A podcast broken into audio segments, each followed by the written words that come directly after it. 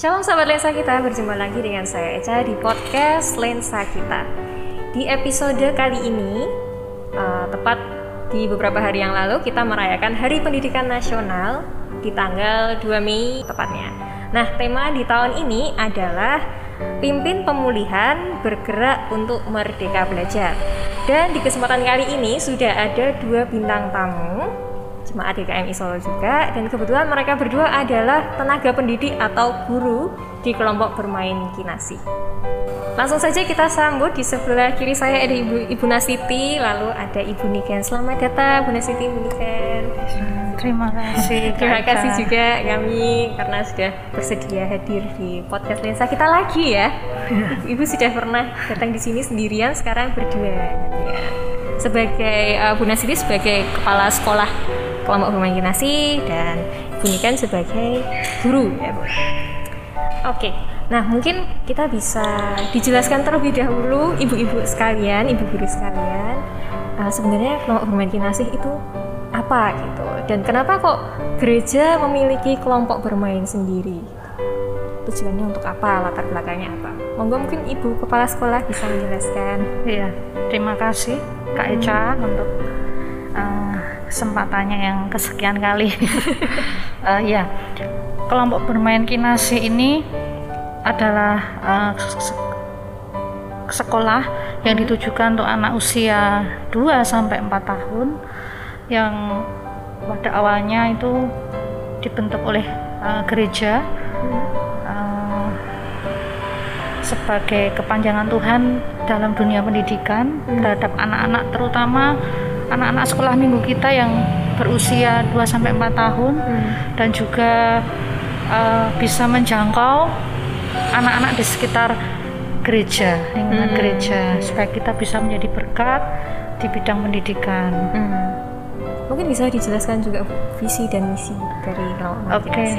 Visi kelompok bermain kinasi adalah membentuk uh, anak yang takut akan Tuhan, mandiri, dan menjadi berkat.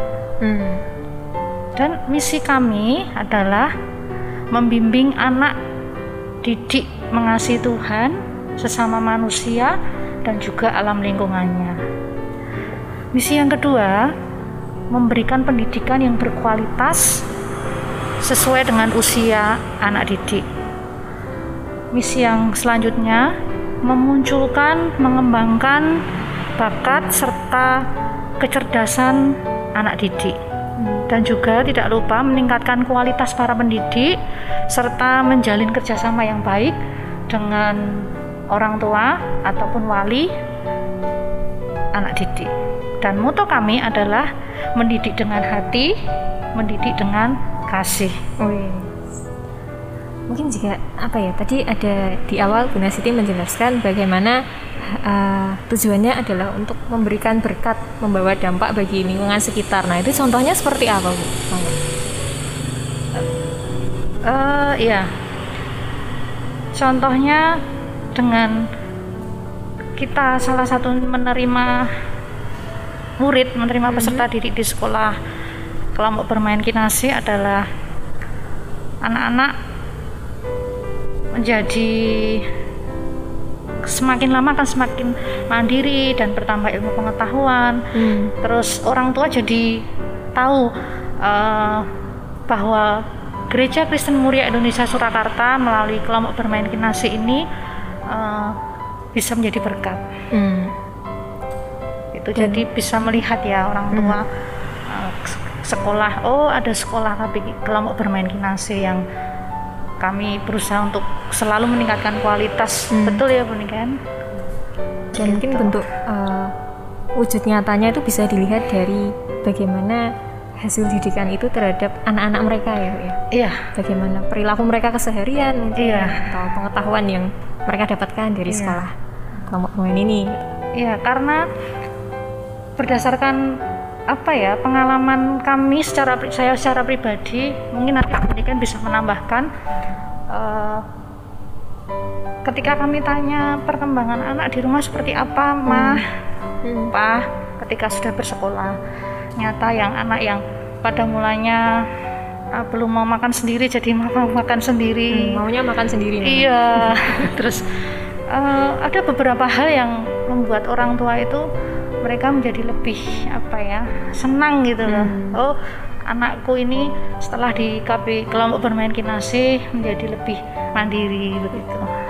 Karena banyak orang tua yang men-sharingkan seperti itu. Hmm. beberapa hmm. orang tua. Dan dengar-dengar juga apakah masih sampai sekarang ya ibu yang kalau uh, anak-anak yang dididik di kelompok bermain kinasi ini tidak dipungut biaya? Masih betul nggak ini iya jangan-jangan salah betul, saya oh betul iya betul uh, kelompok bermain kinasi tidak memungut biaya apa pun untuk sekolah ya hmm. dan juga guru hmm. uh, orang tua mensupport anak-anak jadi nanti dari anak kembali lagi ke anak untuk kegiatan hmm. Hmm. mungkin bunikan bisa menambahkan hmm.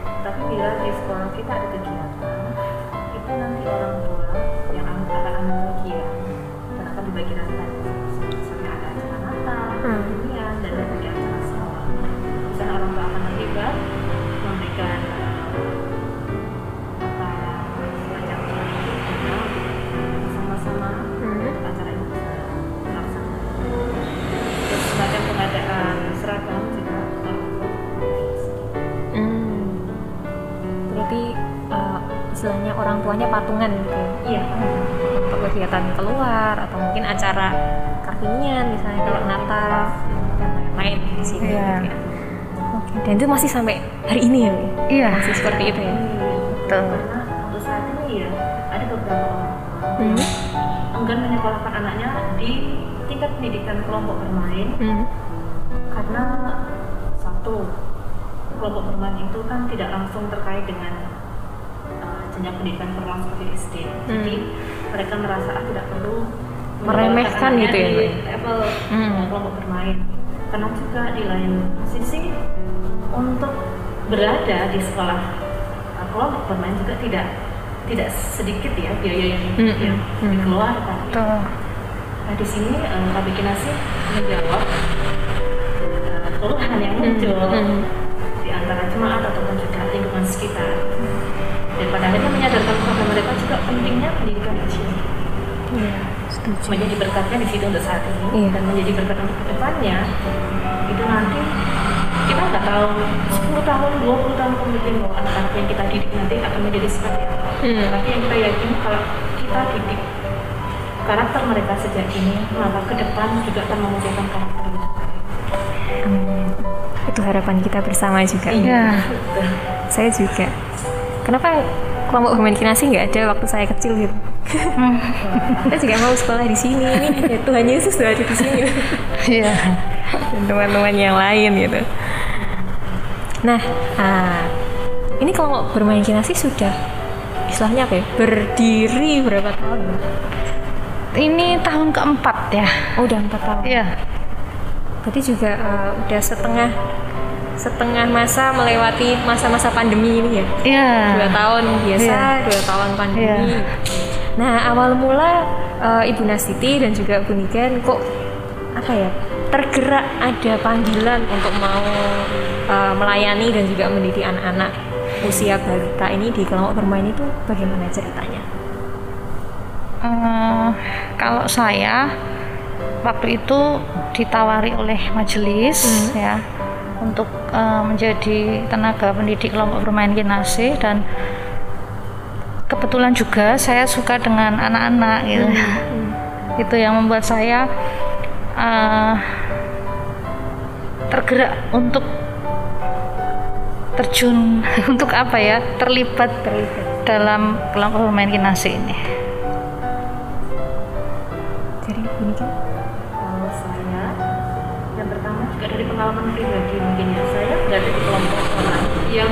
Memahami bahwa uh, level pendidikan kelompok teman itu tidak begitu penting dulunya hmm. bagi anak hmm. sehingga ketika anak saya mengalami ada ada satu momen di mana anak saya mengalami terlalu hujan hmm.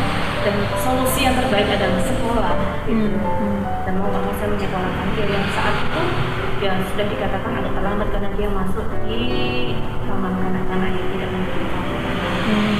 tetapi saya melihat bahwa melalui proses sekolah itu dia kan jalan hmm.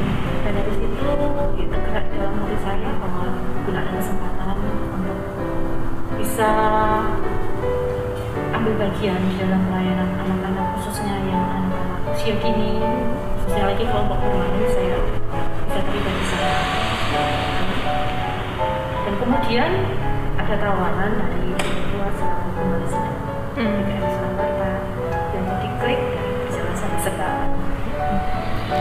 Nah ngomong-ngomong uh, apakah Bunda Siti dan Bunikan dulu pernah ada background dari pendidikan apa ya kalau studi studi pendidikan anak itu ada? Tidak kayak sarjana pendidikan. Sarjana ya ya mungkin kalau Putri pernah? Iya saya pernah uh, beberapa tahun di uh, di pendidikan hmm. dan pernah uh, juga mengajar di TK hmm. uh, waktu itu dan ya itu Oke, oh makanya jadi iya. jadi kepala sekolah ya Bu. Karena sudah berpengalaman. Aduh. Kami semua belajar. Oh iya, terus sekolah minggu ya. Kak Eca. Jangan jangan direkrut. Kita semua belajar ya Kak Eca. Jadi uh, saling kita saling melengkapi ya, hmm. saling mengingatkan, saling menopang, hmm. saling support gitu ya. Jadi tidak ada satu lebih dengan yang lain tidak ada. Iya. Jadi, supaya supaya kelompok bermain kinasi ini uh, apa ya terus jadi berkat gitu.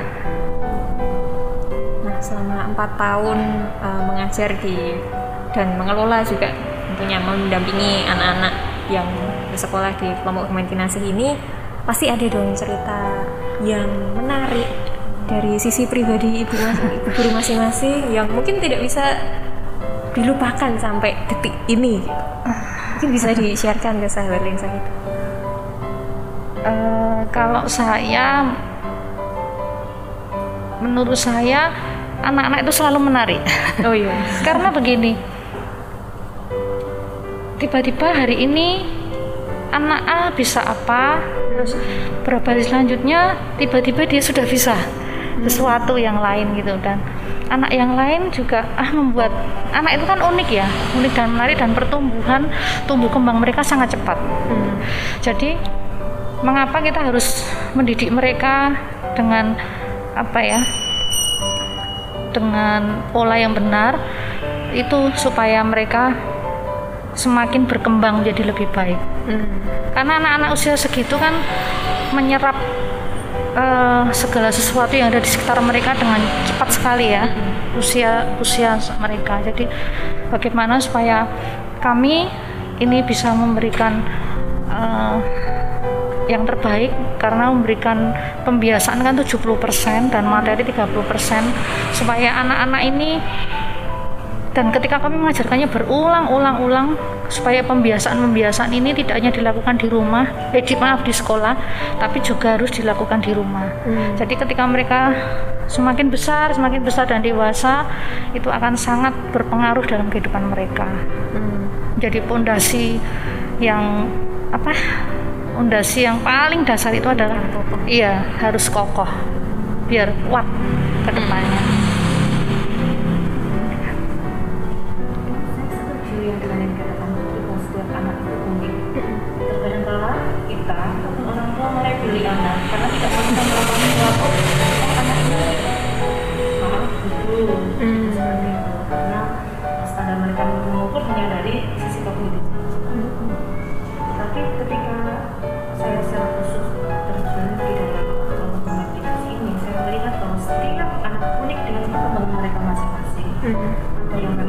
Dominan di sisi emosionalnya hmm. ada yang dominan di sisi kognitifnya sehingga kita tidak akan memunculkan label-label buat anak-anak kita gitu. Hmm.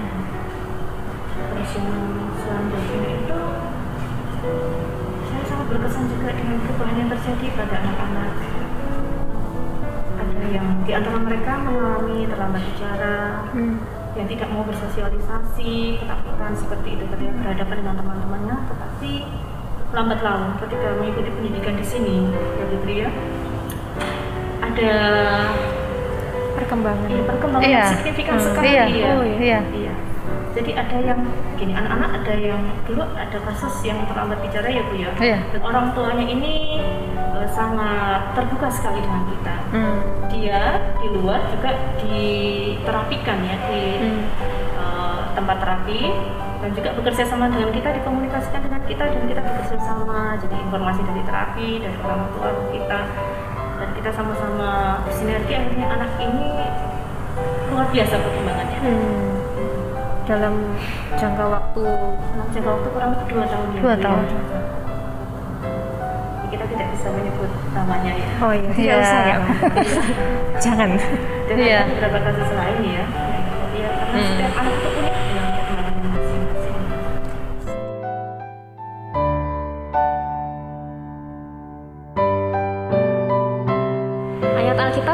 mendasari episode kali ini terambil dari Amsal 22 ayat 6. Saya akan bacakan. Didiklah orang muda menurut jalan yang patut baginya.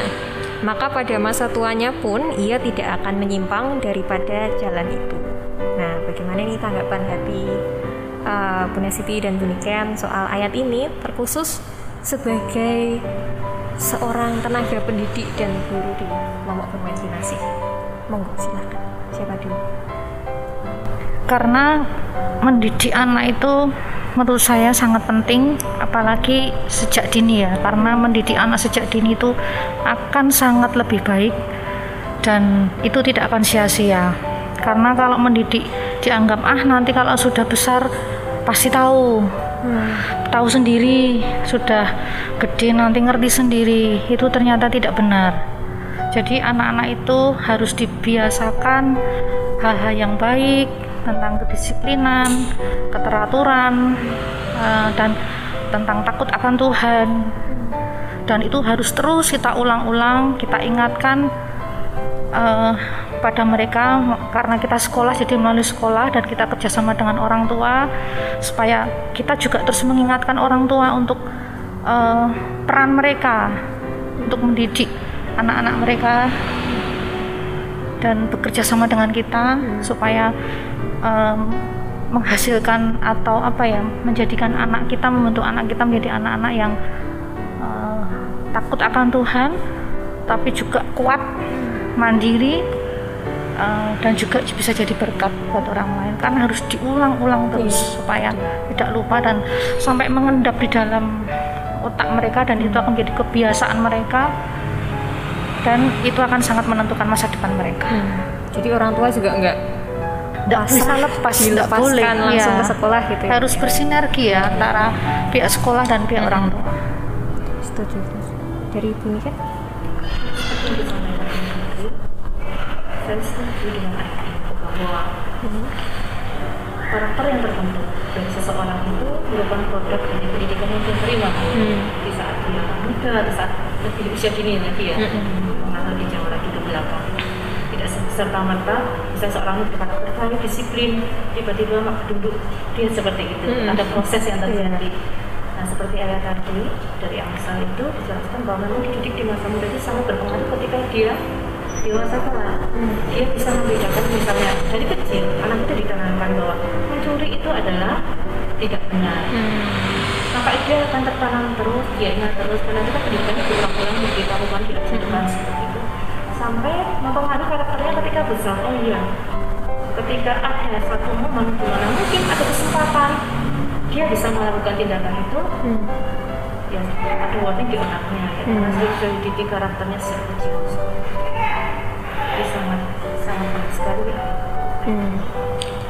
Kalau di kelompok bermaintinasi tadi kan uh, Bunda Siti dan Bu Niken ada mention nih ngomong soal uh, pendidikan yang berulang-ulang.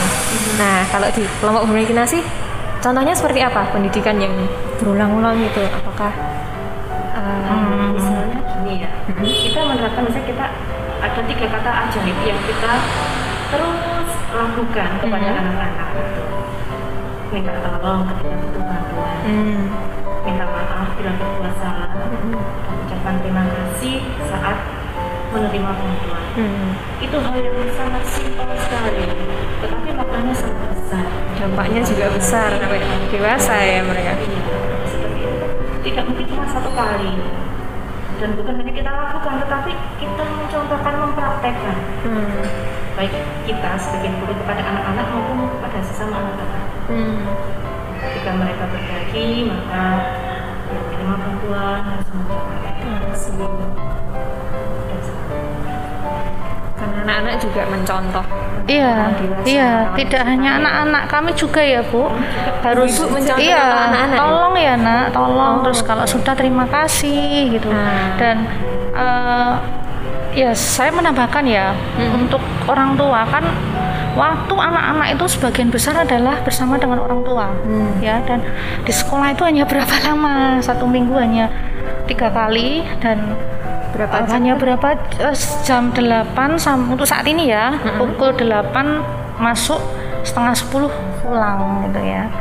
Jadi kan hanya berapa lama bersama dengan kami. Jadi eh, kami ya berharap orang tua dan wali murid yang mungkin ada mbah atau nenek kakek opa omanya untuk juga eh, membantu dan eh, menerapkan juga apa yang baik sehingga tidak berlalu begitu saja ketika di sekolah sudah diajarkan eh, hal-hal yang bagus tapi kalau di rumah tidak eh, orang-orang di sekitar anak tersebut tidak melakukan hal yang sama itu nanti hasilnya akan beda Karena mereka juga akan bingung ya, yang benar iya, mana nih? Iya. Dan saya tambahkan juga ketika anak-anak yang dididik di sekolah dengan benar itu akan beda dengan Hmm. anak-anak yang tidak iya, yang tidak menerima pembiasaan dan eh, materi gitu. Dan pembiasaan-pembiasaan itu harus kita lakukan karena tadi sudah saya katakan 70% adalah pembiasaan, Hmm. pembiasaan seperti antri, terus tadi Bunikan katakan mengucapkan tiga kata jahit tolong terima kasih maaf gitu. Dan ber- jika berdoa yang benar terus cuci tangan gitu dan baris berbaris menegakkan disiplin buat mereka itu yang bisa kami lakukan selain materi tentunya ya menambah eh, pengetahuan buat mereka Nah itu pasti bagi guru-guru kelompok bermeditasi ada tantangannya ya Ibu ya. Iya, tentu saja, tentu saja. Ya, pasti ada ya. Nah itu mungkin bisa diceritakan tantangannya, contohnya apa saja dan mungkin sekalian eh, cara mengatasinya bagaimana. Mungkin juga ini untuk gambaran orang para orang tua di rumah yang belum sempat menyekolahkan anaknya di kelompok bermain atau yang saat ini lagi menyekolahkan itu untuk bekalnya juga. Kalau tantangan itu bicara tantangan ada yang internal ada yang eksternal. Hmm. Iya. Internal dari dalam diri kita sebagai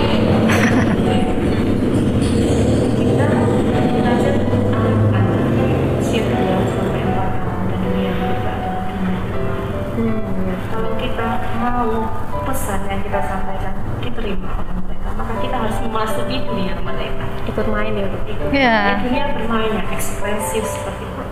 Secara internal saya itu adalah orang sih kalau berbicara itu datar ya.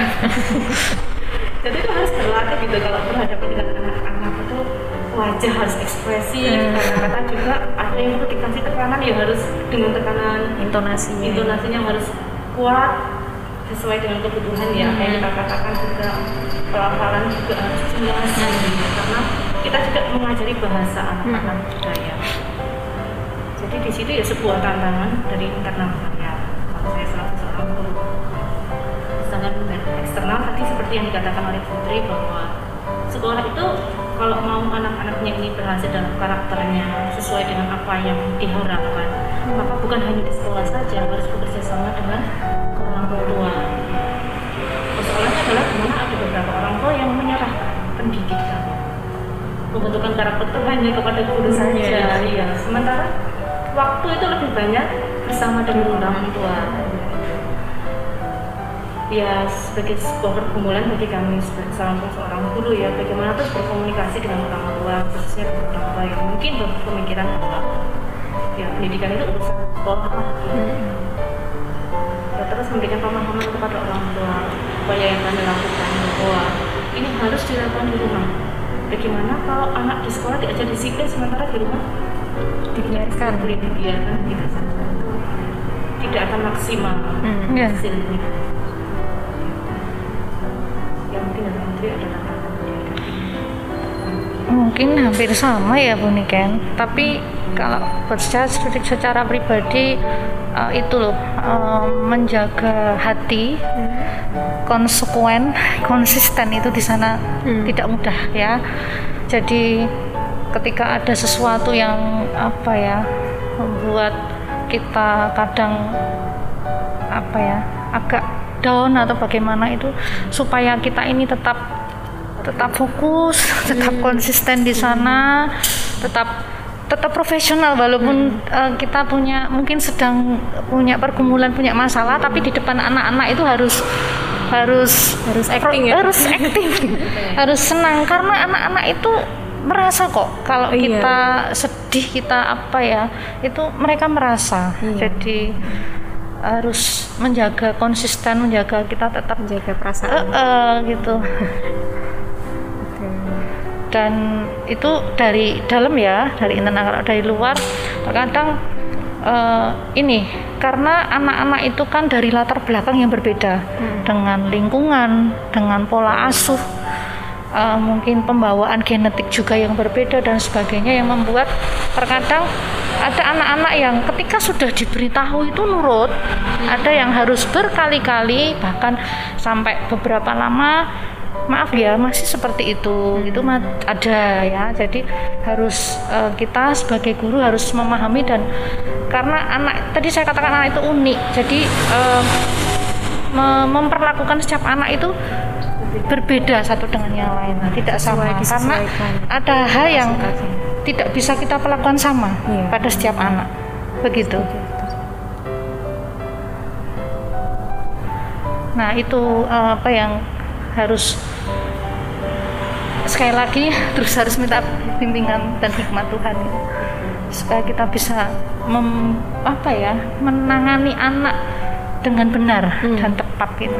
Harus ada kesabaran. Betul. Terutama ya Bu ya. Iya. Kesabarannya itu harus harus prioritas ya. dan memperhatikan anak-anak itu hmm. harga mati ya Bu ya. Oh, iya. Jadi anak itu pokoknya kita fokus kita harus anak gitu. Hmm. Karena apa pun kan itu ya. Mata guru itu mata, kita itu dua ya. Tapi mata oh. itu bisa lebih dari dua. Enggak satu yang lain, anak satu yang lain oh, begitu ya. kan harus iya, enggak oh, bisa. Ya, harus ya. semuanya harus kita perhatikan. Karena perhatiannya harus sama ya. Iya, harus harus sama. Kita tidak karena anak akan merasa nanti kalau tidak diperhatikan itu takutnya timbul rasa minder atau tidak percaya itu bisa bisa terjadi. Makanya kami sebagai guru harus betul-betul memperhatikan anak satu demi satu. E, bersikap apa ya sama walaupun terkadang perlakuannya agak berbeda satu dengan yang lain sesuai dengan situasi kondisi ya bu ya. Gitu. Sesuaikan dengan adil ya ya adil kan tidak selalu sama ya. Betul. Setuju. Sesuai dengan sesuai kebutuhan setiap kebutuhan, anak. Kebutuhan kapasitas anak masing-masing. Iya. Nah harapan bagi Bu Nika dan juga Bu Nasiti untuk kelompok bermain kinasi ke depannya ini seperti apa? Terutama berkaitan dengan tema uh, Hari Pendidikan Nasional di tahun ini ya. Tadi uh, apa sih tadi temanya? Temanya adalah pimpin pemulihan bergerak untuk merdeka belajar. Nah, harapannya terutama ini kita masa-masa mungkin bisa dibilang masa transisi enggak ya? Maksudnya dari yeah. pandemi mau yeah. berakhir jadi mm-hmm. endemi dan lain sebagainya itu bagaimana harapannya bagi KPK Nasi, bagi anak-anak didiknya dan juga bagi uh, sekolah ini sendiri. Monggo silahkan. Iya. Uh, harapan saya secara pribadi uh, dengan pandemi ini di mana anak-anak itu selama pandemi ya hmm. lebih banyak di rumah terus uh, untuk keluar dengan orang tua mereka bahkan sendiri kesulitan harus menjaga jarak dan sebagainya hmm.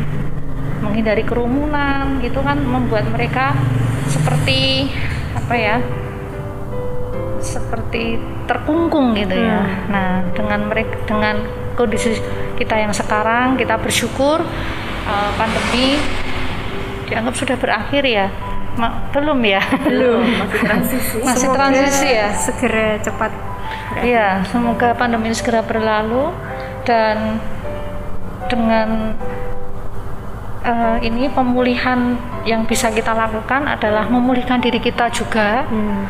Ya, karena karena semua orang terdampak ya. Ya. Dari semua bidang dan juga usia hmm. dari usia berapapun semua terkena dampaknya dan kita harus memulihkan ini dari pribadi juga hmm. baru kita bisa memulihkan anak didik kita tapi itu nanti pelan-pelan pasti akan uh, menghasilkan sesuatu yang baik hmm.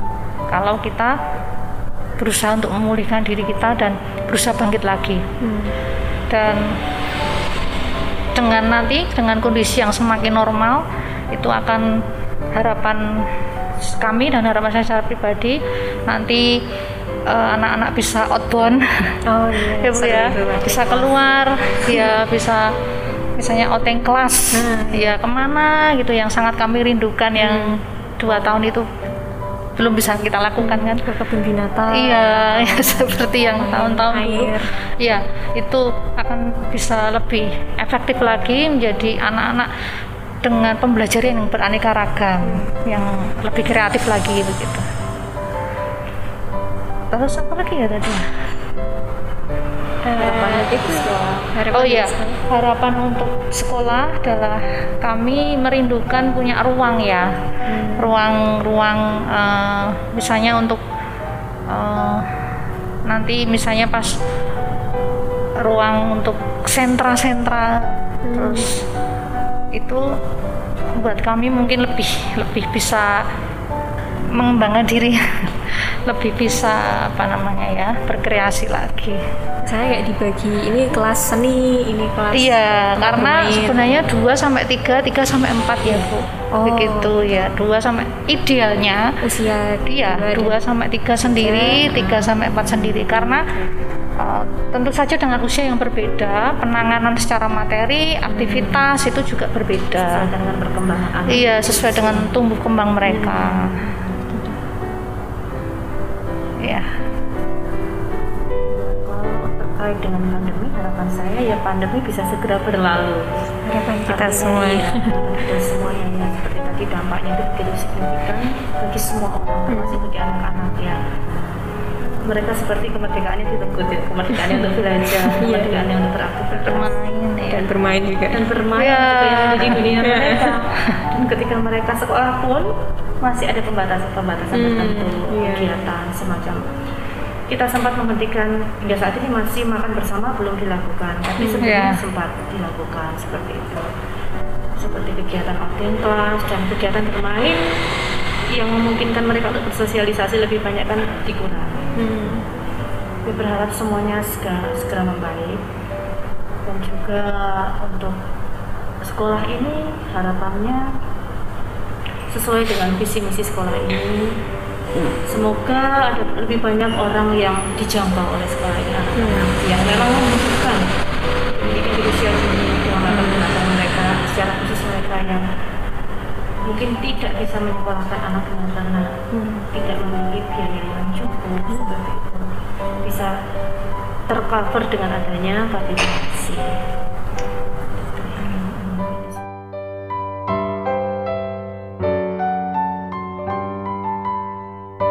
Kasih untuk Bunda Siti dan juga Bunikan atas kesediaannya sharing bareng uh, terutama di Hari Pendidikan Nasional ini bersama dengan ibu-ibu guru oh. nasi. Uh, mungkin ada yang mau ditambahkan lagi Bu? Mungkin tadi kelupaan apa gitu? Oh iya, Kak Eja, bisa oh, saya iya. tambahkan sedikit ya. Iya, uh, bagi Bapak Ibu yang mempunyai putra putri usia 2 sampai 4 tahun uh, yang belum uh, bersekolah bisa di sekolah di kelompok bermain kinasi uh, dan dan terima kasih untuk Bapak Ibu yang sudah mempercayakan putra-putrinya untuk kami didik di KP Kinasi saat ini. Nanti itu bisa di menghubungi ke siapa Bu? Oh iya, untuk kontak personnya bisa menghubungi saya Trinasiti atau Ibu Niken. Begitu ya. Ya, siap. Ini promonya. Mari Bapak Ibu yang memiliki anak usia 2 sampai 4 tahun ya Bu ya, betul? Iya. 2 sampai 4 tahun yang belum sekolah di kelompok bermain atau PAUD mana pun bisa segera daftarkan silahkan menghubungi City ataupun Uniken ditunggu ya kehadirannya untuk pendaftarannya Terima kasih juga untuk sahabat Lensa kita yang sudah setia menonton maupun mendengarkan dari awal sampai akhir. Tetap ikuti terus podcast Lensa kita yang akan tayang setiap dua minggu sekali hanya di channel YouTube GKMI Solo dan juga Spotify Lensa kita. Jangan lupa untuk tetap terus menerapkan protokol kesehatan karena pandemi belum berakhir sampai hari ini dan kita juga berharap akan segera berakhir. Terima kasih, sampai jumpa dan Tuhan Yesus memberkati.